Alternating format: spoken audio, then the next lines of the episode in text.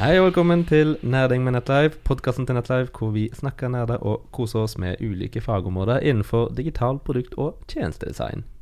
Jeg heter Daniel og er designer her i Nettlife, og i dag har jeg med meg Marte Dille, som er leder for Konversjonister Norge.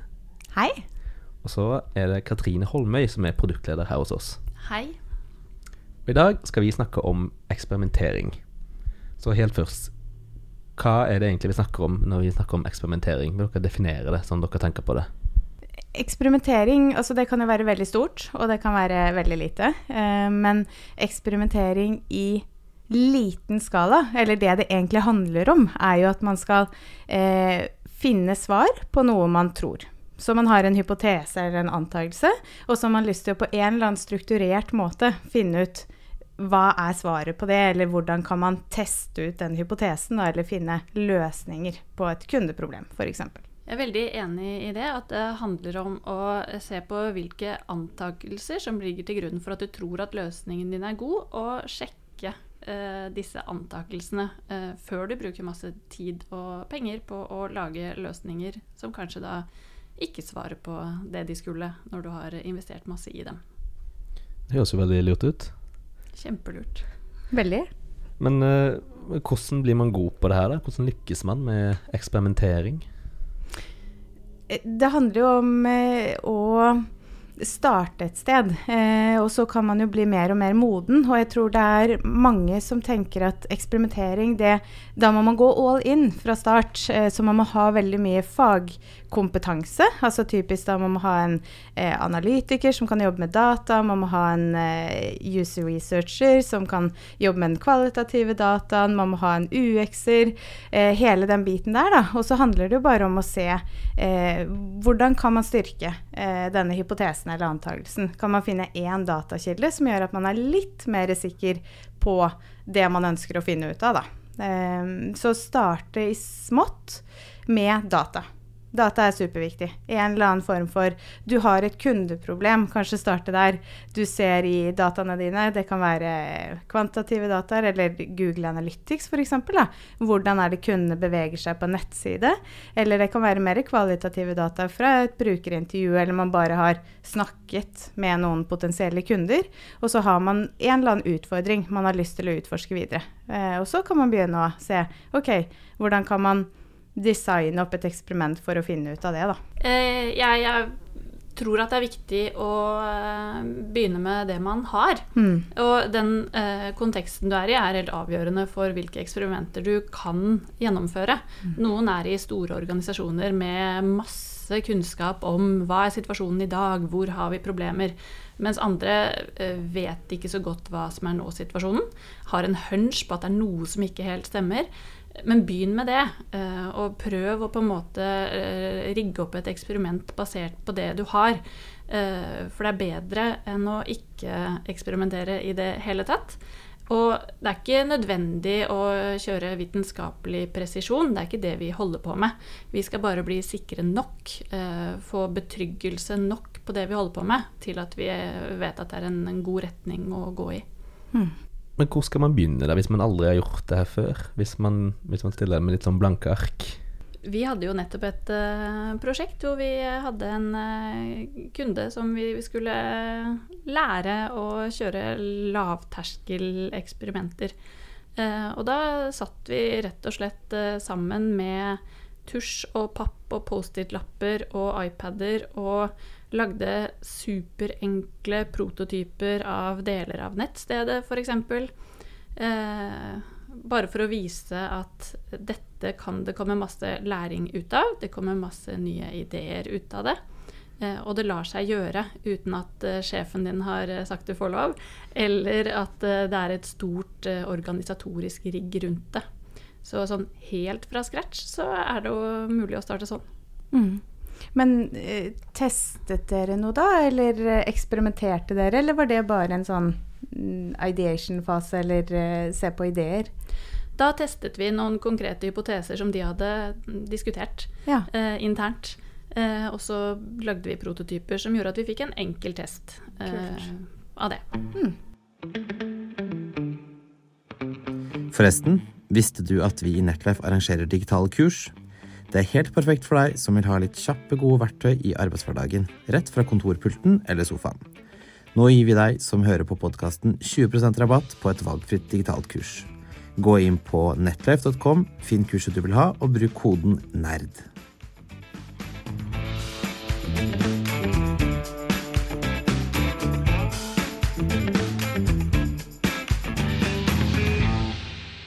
Men sånn, vi har jo snakka litt allerede om, eh, om eh, kvalitative metoder og papir og papir. ikke sant?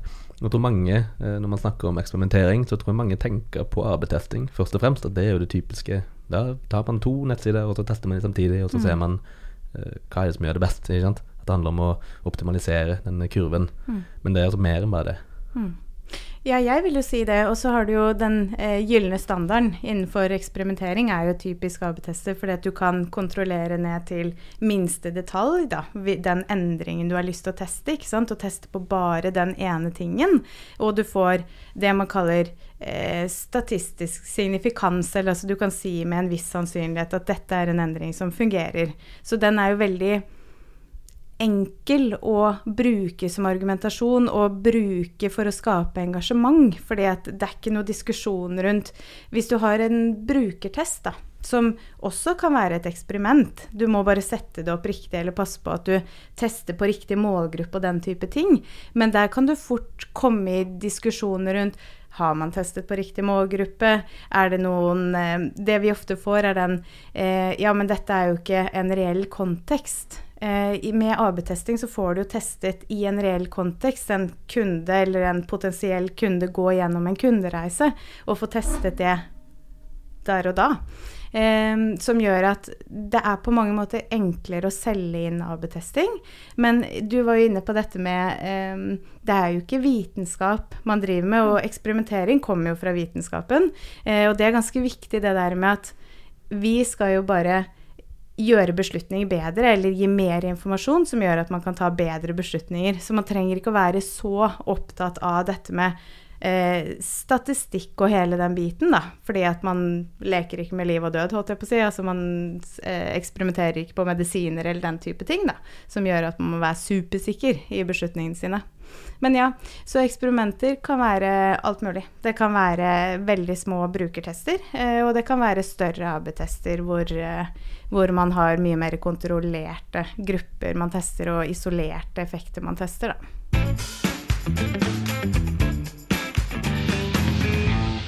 Jeg tenker det som eh, gjør at man kan lære av å drive med eksperimenter, er jo nettopp en god problembeskrivelse, gjerne en mm. beskrivelse av nå-situasjonen, eh, hvor man eh, vil hen. Eh, at man har en klar eh, hypotese. Eh, at du får til å lage enten en prototype eller eh, noe som lar deg teste akkurat det du trenger å teste, og som gjør at du får svar på den tingen og ikke en eller annen ting som hører sammen med det. og at du også er litt enig om hva som er suksess. Mm. Eh, at du ikke etterpå kommer og sier ja, eh, jeg ser at du fikk det svaret, men at det er eh, åpenhet både i planleggingen av eksperimentet, og at man vet på forhånd at hvis vi får dette svaret, så er det suksess, og ellers så er det faktisk ikke det. Mm. Da kan man lære å komme seg videre. Og det kan også, er min erfaring, løse opp i en del interne diskusjoner som kan ha låst seg fast, og som mm. kan ha vært med deg lenge. Og så kommer du til et punkt hvor nå tester vi det bare, mm. og så kan man komme seg videre. Jeg syns også det er det, det, er det, er greit at det ikke går, for det er jo også læring. Eh, og når man har jobb, Jeg var jo med på det prosjektet som du snakker om, og da mm. brukte vi mulighetstre, Det var veldig fint rammeverk for å få opp masse forskjellige hypoteser. Og det som var fint der, var at det var masse hypoteser, og da var det ikke så farlig at liksom, den og den gikk ikke. Uh, fordi man hadde ikke lagt hele kjedet i den ene ideen, så skal vi teste den. Og da tror jeg det er veldig lett å å havne i en sånn der veld, veldig sterkt ønske om å bekrefte at det man lager, er jo riktig. Jeg har jo brukt masse tid på det her, det må jo være bra. Men når man har masse hypoteser, så føler det mye lettere å, å være sånn Ja, ja, dette gikk ikke, dette gikk ikke, men det her gikk, og da kan vi satse. Mm. Nei, altså eh, Ja, vi jobbet jo med Mulighetstre. Det er vår oversettelse av Teresa Torres sitt uh, mm. Opportunity Solution Tree, og jeg gjør det i flere prosjekter uh, nå. Og jeg syns det er en veldig fin måte å få strukturert eh, arbeidet man gjør. Og ikke minst dette her med at alt skal faktisk ende opp i et eksperiment hvis man følger den modellen. Mm. Du får ikke lov til å gå videre før du har vært innom eh, eksperimentfasen. Mm. Eh, det er først da du kan begynne å, å lage ting, da. Mm. Eh, så den er fin eh, både å strukturere tankene sine med, og til å holde deg litt grann, eh, igjen. Eh, selv om alle er enige om at det er en god idé, så skal du faktisk gjennom det eksperimentet før det er opplest og vedtatt at det er dette vi skal gjøre.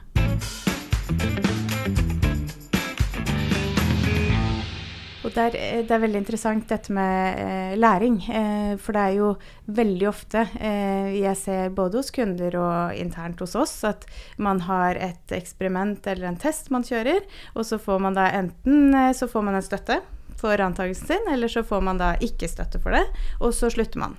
Da er man ferdig, men hele, altså da man virkelig lykkes med det her, er jo når man bruker læringen til å finne ut ok, hvordan kan vi gå videre? Det var jo et eller annet med den første antagelsen, men det var ikke en riktig løsning, eller eh, det var kanskje ikke helt riktig problem vi forsøkte å løse, men hele den der at det blir et eh, læringshjul, f.eks. At man virkelig bruker det her til å avansere, teste ut nye ting, lære av de tingene man tester. Det er superviktig. Og i så måte så er jo de eh, tapene, eller de eh, hypotesene hvor man ikke får eh, støtte, er jo de beste. På veldig mange måter. Får man støtte, så går man jo videre og implementerer det, og så er man ferdig. Mens eh, når man ikke gjør det, så må man grave videre. Forstå mer. Ja, For det handler på en måte om at uh, det er ikke noe man bare har som ett steg i en prosess. Det er noe som skal gå kontinuerlig, og det skal være mer kanskje et prinsipp man jobber etter. Eh, ja, i mitt hode så eh, er det ingen grunn til at man ikke skal jobbe på eh, den måten alltid. For det handler jo bare om at man sitter mye tettere på kundene sine, man har en mye bedre forståelse for hva er det faktisk man ønsker å eh, oppnå, hva er det man prøver å løse her i verden, da, fremfor å eh, Typisk når man jobber med en nettside f.eks., så har man jo eh, masse magefølelser. Og dette her er jo den klassiske. Eh, en eh, CEO sitter i en middag på en lørdagskveld og får høre fra en kamerat at ah, nettsiden deres er skikkelig dårlig. Og så kommer CEO-en tilbake på jobb på mandagen og er sånn Fy søren, den nettsiden her er det dårligste jeg har sett. Og så etablerer det seg en sannhet i bedriften på at herregud, vi må redesigne, eller vi må gjøre om helt på hele nettsiden, for den er så dårlig. Og så kommer vi typisk inn, eller noen inn som har jobbet litt med eksperimentering, ikke sant? som er sånn OK, vent, da. Hva er det vi ser i dataene? Ok, Og så når man da eh, ser eller ikke ser at det er en utfordring i dataene, så kan man jo begynne å teste på det, sånn at man hele tiden forbedrer seg. Men ikke at man bare kaster opp alt opp i luften og skal gjøre store redesign, da. Men en ting jeg syns er interessant, på en måte, er Altså, hvor, hvor, langt kan man eksperimentere Eller hvor mye, hva er det å si det, Hva er på en måte makspunktet man kan eksperimentere seg fram til, da? På hvilket nivå Altså, det er et vanskelig spørsmål. Hvor langt kommer man med eksperimentering, på en måte? Det, det er snakk om sånn type lokale topper, da, ikke sant? At innenfor et eller annet du har laga, mm. så kan man teste og optimalisere og optimalisere til man kommer eh, til et punkt der det er så bra som det kan bli. Men hvordan unngår man å se seg blind på det man har, og prøve å optimalisere det? Hvordan klarer man å se de andre mulighetene som kanskje ligger liksom litt parallelt til høyre, så kunne det blitt en mye høyere topp hvis man bare prøvde noe helt annet? Hvordan løfter man blikket på en måte for å eksperimentere bredere? Har du noen tanker om det? Ja, mange. Eh, om jeg har løsningen på det, vet jeg ikke. Men eh, eh man kan jo optimalisere på en enkelt side eller ett enkelt produkt og få masse informasjon om det. Men igjen da, så handler det om dette med man snakker med kunder, man tester ting. Når man snakker med disse kundene, om det er en enkel eh, prototype som er lagd på en papplate, så kan det hende det kommer helt andre ting man avdekker da, når man tester en ting, som gjør at ok, men her må vi kanskje se bredere flet det er noe helt annet kunden vil ha, eller kundene utvikler seg, og det er jo der man typisk ser Man gjør jo ikke bare én ting. Man har jo konkurrentanalyser, man eh, gjør sånne signaltester, man er ute og følger med på trender, ikke sant, som gjør at det er veldig mye datakilder et selskap henter inn eh, rundt kunder og kundeatferd og hvor man skal mm. bevege seg, eh, og hvor man skal utvikle seg. Så, og så er det noen ganger så må man ha et redesign. Eh, det kan hende at man ser at ok, men her er det så mye greier på en side. Man er ikke i tråd med merkevaren sin lenger. Altså man har schizofrene kundereiser. Man, det hjelper ikke å jobbe med eksperimentering og optimalisering av en side. Man må rett og slett bare begynne på scratch, da. Så ja. Alt i sin tid. Jeg tenker jo også at det må henge sammen med de strategiske målene som er satt for et produkt eller en mm. tjeneste. Eh, og med fare for eh, litt eh, hakk i plata, så gikk jeg på Teresa Torres sin sånn masterclass i å mappe ut muligheter. Mm. Eh, og se på hele forretningsmodellen, brukerreisen. Hvor er det vi ser at hvis vi trekker litt i denne spaken her, så skjer det noen store ting med de overordnede målene våre, om det er inntjening eller eh, tillit, hvis du er et offentlig organ. da. Hvor er det virkelig det er eh, på et lavt nivå i dag, og hvor vi tror at vi kan få til et ordentlig løft. Sånn at de eksperimentene må jo kobles hele veien til de overordna strategiske målene mm. for at det skal være skikkelig nyttig.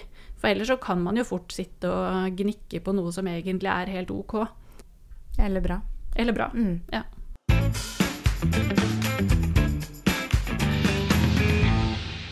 Men eh, hvordan, for å komme litt mer på hvordan man gjør dette i praksis, da. Det, det, har jo kanskje ofte vært et sånt skille vi snakka litt om det i stad, sånn skille mellom design, som er det emosjonelle og det vakre, og det visuelle, mm. og så har man kanskje de som har jobba med CRO, som har jobba veldig datadrevet. Men hvordan kan man lage et godt samarbeid mellom på en måte alle disse forskjellige disiplinene som, som må inn, og ikke bare design og eksperimentering, men det, det, er, jo, det er, jo, ofte en stor, en stor, gjeng som skal klare å jobbe sammen på denne måten. Mm. Ja, eh, det er et godt og stort spørsmål. Og eh, jeg tror vel man skal begynne med å erkjenne hverandres styrker og svakheter inn i, inn i, arbeidet sitt. At det er ikke noe enten-eller. Du nevner dette med emosjonelt design. Det er superviktig. Og så har du den funksjonelle delen av design, som også er kjempeviktig. Fordi at man snakker om eh, brukere og folk som skal gjøre noe eh, om det er et produkt, eller om det er en app, eller om det er en nettside, eller hva enn, da, så er det jo den grunnen til at brukeren skal bruke produktet eller nettsiden eller appen. Og det er jo superviktig at man legger til rette for at det blir enklest mulig, ikke sant. Eh, så det å få merget de to, da, ikke bare ha fokus på funksjonelt, for det må jo se pent ut, og det må jo være en identitet i, i, um, i et produkt eller en um, en eh, hjemmeside eller nettside. Jeg, da, som jobber med eksperimentering, eh, og som kan designe opp eksperimenter, og som kan eh, avkrefte eller bekrefte antakelser og hypoteser, jeg må jo synliggjøre det for designere. For designere sitter jo ikke i et vakuum og eh, lager noe helt ut fra sitt eget hode. Man gjør jo masse innsiktsarbeid i en designfase også. Så det at man kan i mye større grad synliggjøre hvordan dette med eksperimentering og testing også kan understøtte i et større designarbeid, eh, da. Det er jo superviktig. Og der tror jeg man har veldig mye å hente på dette med datadrevet design, eh, hvor man da bruker data i mye større grad, tester, avkrefter, bekrefter hva som er riktig vei å gå da, for en kundegruppe. Hvordan var det dere jobba med det her, da, når dere skulle skru en hel organisasjon om til å bli vant til å eksperimentere og jobbe på denne måten? Noe av det vi gjorde, var jo å la de som jobba der, være med oss når vi gjorde brukerintervjuer, når vi forberedte intervjuguidene vi skulle bruke. Hva tenker du på når du skal lage en intervjuguide? Eh, hvordan skal du oppføre deg under intervjuet? Eh, dette var en veldig serviceinnstilt gjeng, så det å lære dem til å ikke gi svarene, men bare stille spørsmålene, var jo en veldig morsom eh, oppgave. Ehm, og egentlig bare eh, få dem med på hele eh, tankegangen som ligger bak, da at gode forberedelser er helt avgjørende for at du skal få det ut av et brukerintervju som du trenger for å få tatt den beslutningen du skal ta. Eh, brukerne kan jo, Du kan jo snakke med dem om hva som helst, eh, men det er ikke sikkert at det gir deg noe på akkurat det du er opptatt av. Da. Mm. Så hvordan styrer du dem eh, sånn seminensomt inn på det som er ditt eh, anliggende i den samtalen? Eh, og hvordan du følger opp med de spørsmålene du trenger for å få den informasjonen du må ha. Da. Som ett eksempel. Men så tenker jeg også at dette med å få alle til å jobbe sammen Det er jo snakk om disse tverrfaglige teamene som skal sitte sammen og jobbe sammen hele tiden. Og hvis man er på et sted hvor man har den luksusen, så er jo det veldig fint. Og hvis du ikke er det, så uh, tenker jeg det er viktig å trekke inn de rette folka til riktig tid i prosessen. Og det handler om f.eks. For, for at du skal få lage gode eksperimenter, så må du forstå problemet du skal løse skikkelig godt. Og hvis du kan få med alle de forskjellige faggruppene, også forretning, eh, ledelse, på å beskrive problemet, og få den eh, solide beskrivelsen du trenger, så er det mye lettere å lage de gode eksperimentene.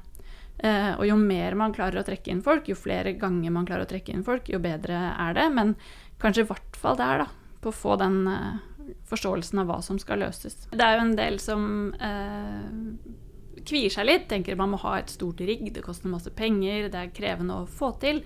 Men det som virkelig er dyrt, er jo ikke eksperimentere, for da handler man jo uten å ha sjekket om det man gjør, egentlig virker. Mm. Og det kan være ganske dyrt å utvikle løsninger som du ikke får noe ut av. Og så er det ganske gøy, tenker jeg også er litt viktig å ta med seg, da. Eh, det er en fin ting å samles rundt eh, som team eller som organisasjon. Eh, og man kan få sett seg selv utenfra, som også er en øyeåpner for i hvert fall de som ikke er så vant til å gjøre det. da. Mm. Det er kjempegøy. Og kanskje spesielt dette med å finne en eller annen etablert sannhet i selskapet og begynne å utforske den litt mer. Da. Og det å kunne komme med noen gode sånn kundequotes eller en AB-test hvis man har uh, muligheten til det, hvor man kan slå litt i bordet med at dette fungerte ikke. Hvis det er en eller annen sånn uh, klassisk ja, man skal ha uh, menyen på mobilen nede eller oppe. Det er en sånn klassisk diskusjon som går igjen millioner av ganger, ikke sant? og så blir man aldri enig om det. Men det å få testet en sånn enkel ting, da Det kan godt være at den testen blir det man kaller insignifikant, altså at man ikke ser noen effekt. Men det er jo superbra. Du slipper å bruke masse penger på å implementere og eh, lage en ny løsning, ikke sant. Men du sparer bedriften for penger, da. Og det å ha et par sånne eksperimenter å slå i bordet med internt, det er eh, kanskje en veldig god start. og supergøy. Kanskje sette litt penger også på hypotesene, om man tror det stemmer eller ikke. For å gjøre det enda mer morsomt. Og bli litt rik, eventuelt. Veldig bra. Tusen takk for at dere var i dag. Takk skal du ha. Takk. Har du lyst på mer fagkunnskap?